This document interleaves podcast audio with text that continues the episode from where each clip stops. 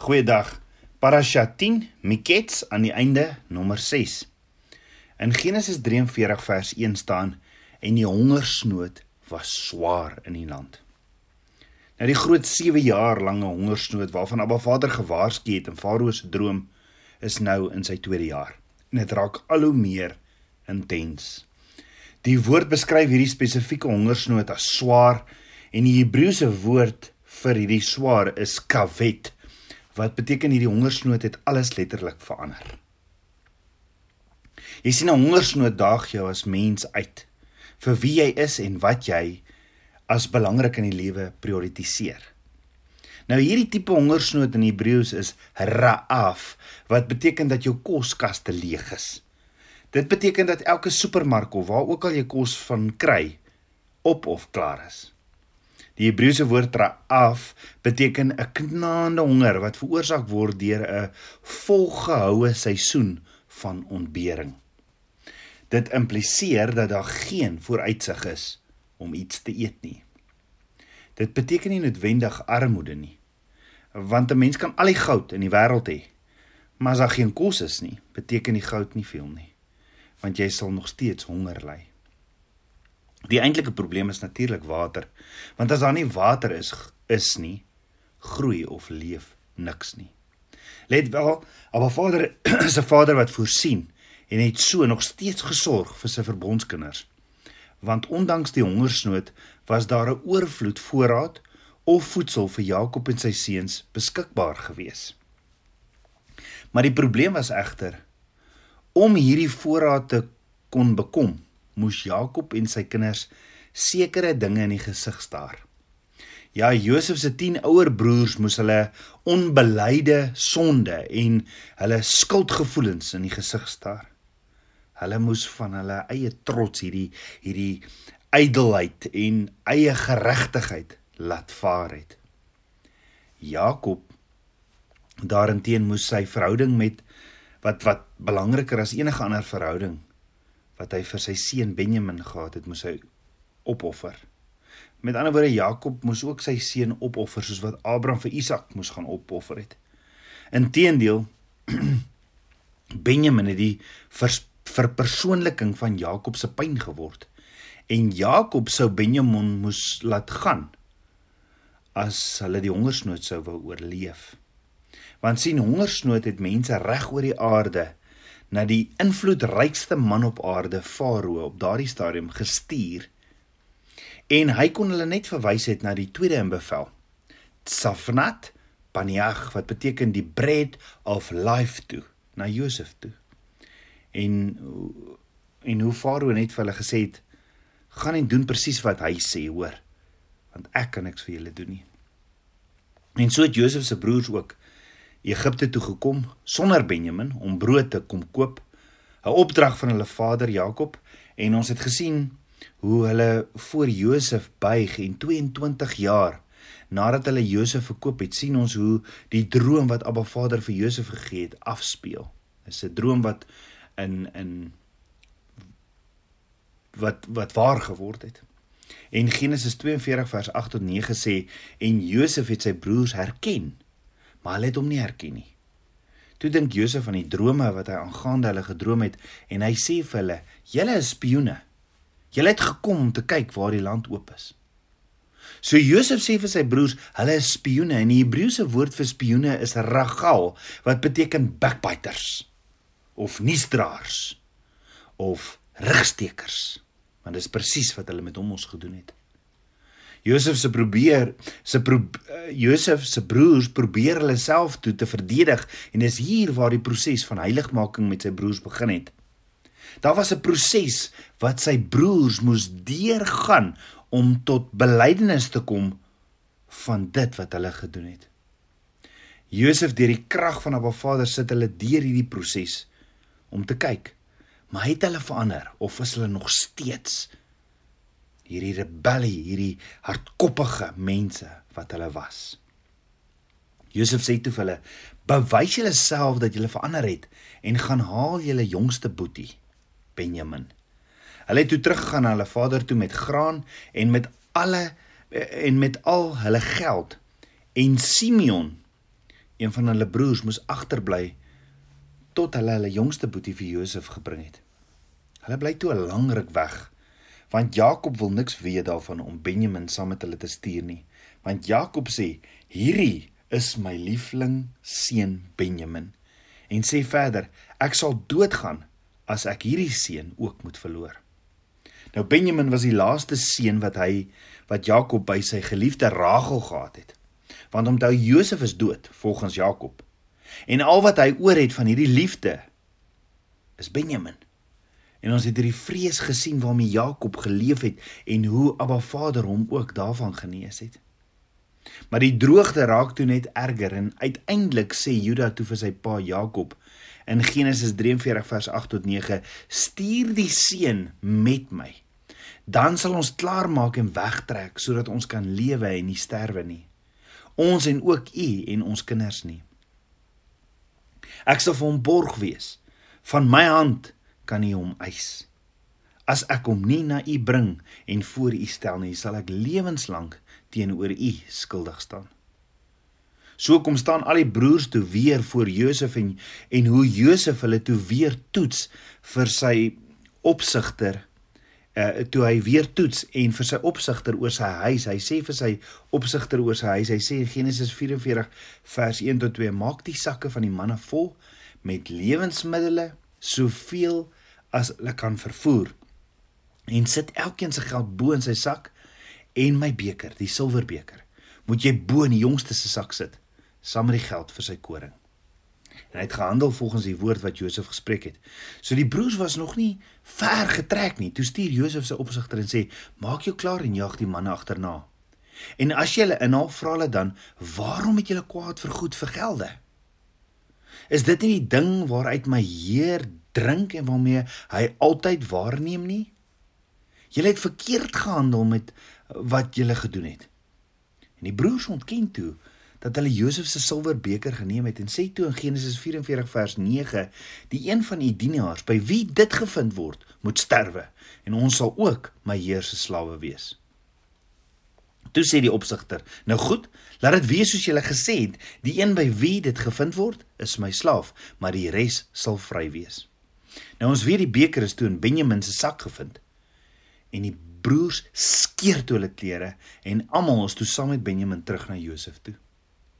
Josef sê toe vir die broers: "Wat is dit nou wat julle gedoen het? Weet julle nie dat 'n man soos ek dit ongetwyfeld moet waarneem nie?"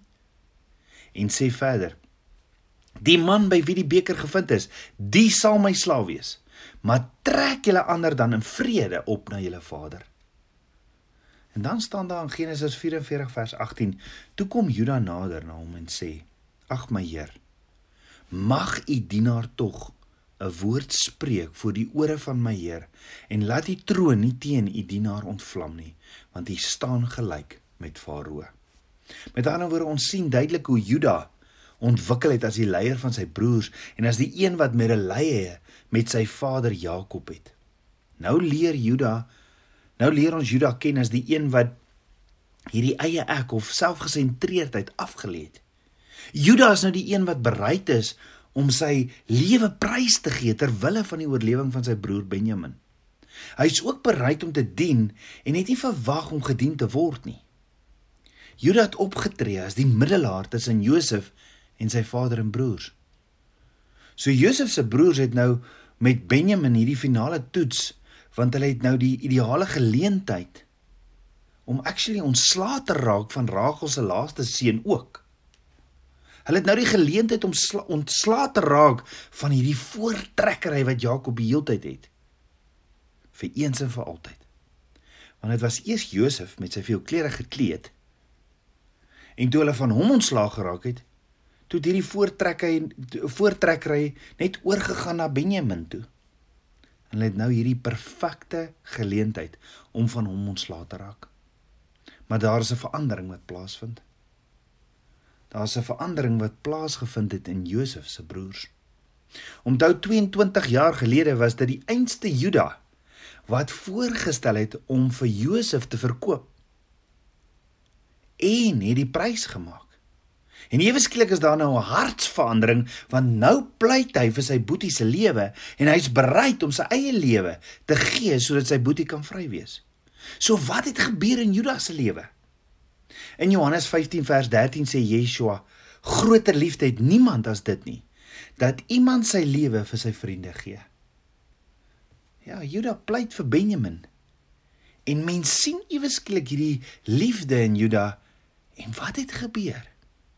Ek meen ek herhaal 22 jaar gelede toe maak Juda 'n prys van 20 silwerstukke om Josef te verkoop as 'n slaaf en nou nou is hy op sy aangesig voor Josef en is bereid om sy eie lewe te gee vir sy broer. Die vraag is klink dit nie dalk bekend as ons die profesie gaan lees oor Juda nie. Dink gou daaroor. Wat het gebeur toe Yeshua die eerste keer voor die huis van Juda gestaan het? Hulle het nie vir Judas Iskariot, het hulle nie vir Judas Iskariot 30 silwerstukke betaal om hierdie vals getuienis teen hom in te bring en hom te verraai nie? Is dit nie dalk dieselfde prentjie nie want hoor gou-gou, die tweede keer wat Juda weer voor Yeshua verskyn, skryf uh, verskyn, skryf of profeteer Sagaria oor oor dit wat nog gaan kom want Sagaria sê in Sagaria 12 vers 10 maar oor die huis van Dawid dis die stam van Juda en oor die inwoners van Jerusalem sal ek uitgiet die gees van genade en smekinge en hulle sal opsien na my vir wie hulle deurboor het. En hulle sal oor hom rou klaag soos 'n mens rou klaag oor 'n enigste seun en 'n bitterlik oor hom ween soos 'n mens bitterlik ween oor 'n eersgeborene kind. Met ander woorde Sagaria profeteer en sê in die King James our poor poor upon the house of David and upon the inhabit inhabitants of Jerusalem the spirit of grace and supplication. Nou grace en supplication is presies dieselfde wortelwoord in Hebreëus en is die woordjie ganan wat beteken to show favor to those who are in need of food. Is dit nie dieselfde prentjie van Juda wat voor Josef staan die eerste keer en vra vir brood nie? Vir graan of vir koring nie. Maar hoor gou wat beteken ganan nog?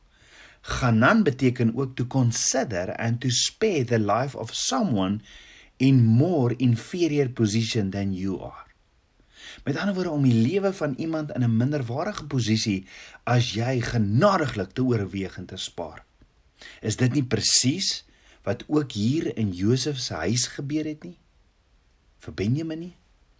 Dan profeteer Sagaria verder en sê in die King James, "They shall look upon me whom they pierced."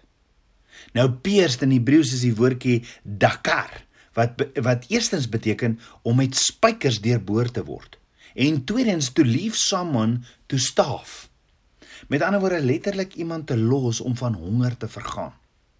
Onthou wat het 22 jaar terug met Josef gebeur? Hoor gou-gou weer wat sê Genesis 37 vers 23 tot 27 en toe Josef by sy broers kom, trek hulle Josef se rok uit, die rok met lang moue wat hy aangetree het en hulle neem hom en gooi hom in die put. Maar die put was leeg. Daar was geen water in nie. Daarna het hulle gaan sit om brood te eet. En toe hulle hul oë opslaan, sien hulle met eens die reisgeselskap, die Ismaelite, wat uit Gilead kom hulle kamele gelaai met speserye, balsam en gom op pad om dit na Egipte af te bring. Toe sê Juda aan sy broers: "Watter voordeel is dit dat ons ons broer doodmaak en sy bloed vergeld of verberg? Kom, laat ons hom aan die Ismaeliet verkoop. Ismaeliete verkoop, maar laat ons hand nie teen hom wees nie, want hy is ons broer, ons vlees." En sy broers het na hom geluister. Met ander woorde, hulle het vir Josef in die put gegooi wat leeg was en hom gelos om honger te ly terwyl hulle sit en brood eet buite die put.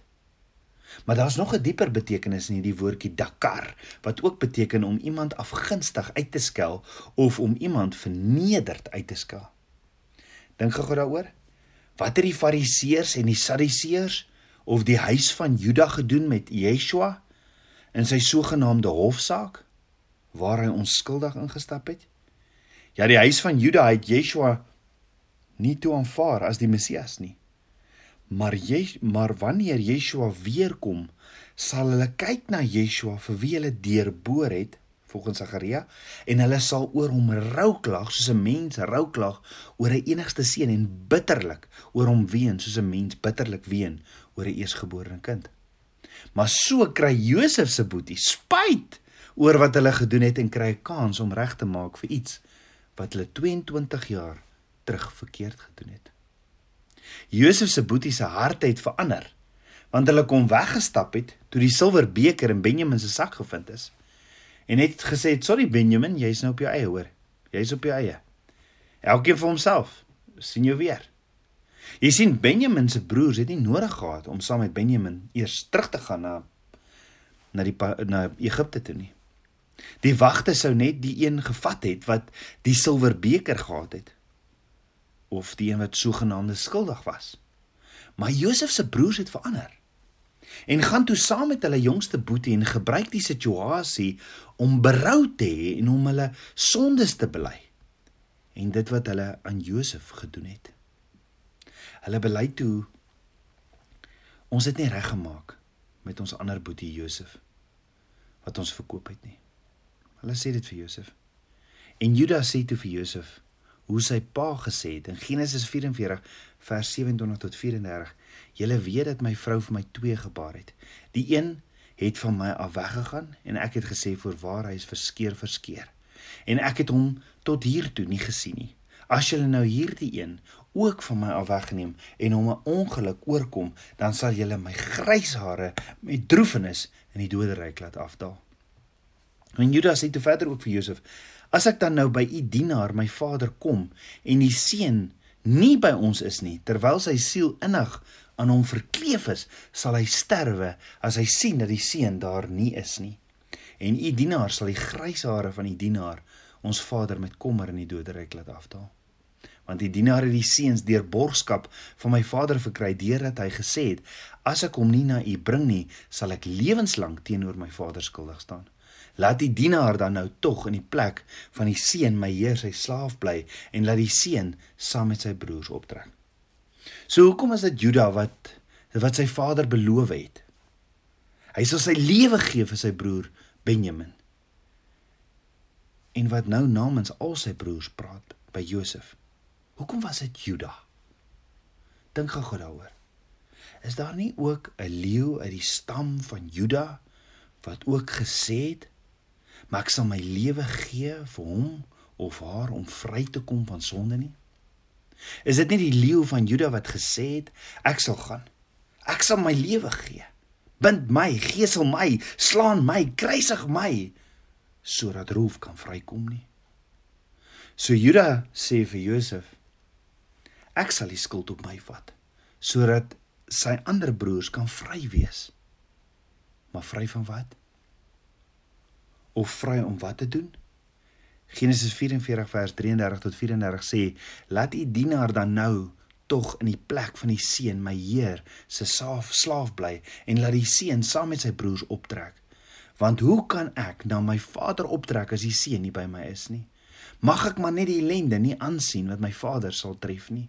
Met ander woorde Judas se twee goed sê twee goed hoekom hy sal betaal dat sy boeties Benjamin en sy ander boeties vry is, naamlik nommer 1 sodat sy boeties kan vry wees om terug te gaan Kanaan toe. Wat stel Kanaan nou weer voor? Die belofte, die droom.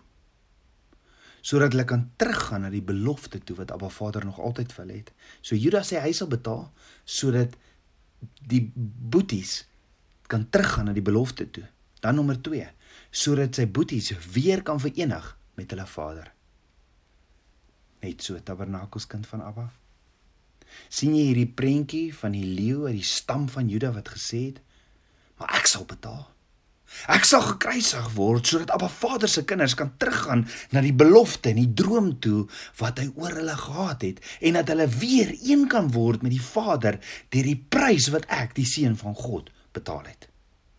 Yeshua het die prys betaal sodat jy kan terugkeer na die belofte, die droom wat Abba Vader nog altyd vir jou gehad het en dat jy kan verenig met jou Vader en saam met hom en intimiteit kan wandel. Mag dit so wees, tabernakelskind van Abba. Kom ons bid saam. Abba Vader, skepper van my hart. Vader, ek loof en ek prys U. Vader, dankie, dankie dat U my so liefhet. Dat U enige gebore seun gegee het sodat ek wat in Hom glo, nie verlore mag gaan nie, maar die ewige lewe kan hê. Vader, baie dankie. Dankie vir U liefde. Ek wil saam met U wandel in in intimiteit en doen wat net ook al U sê. Leer my U weë. En gee vir my U verborgde manna. Ek bid dit alles in Yeshua, Hamasieg se naam, die seun van Jahweh. שלום.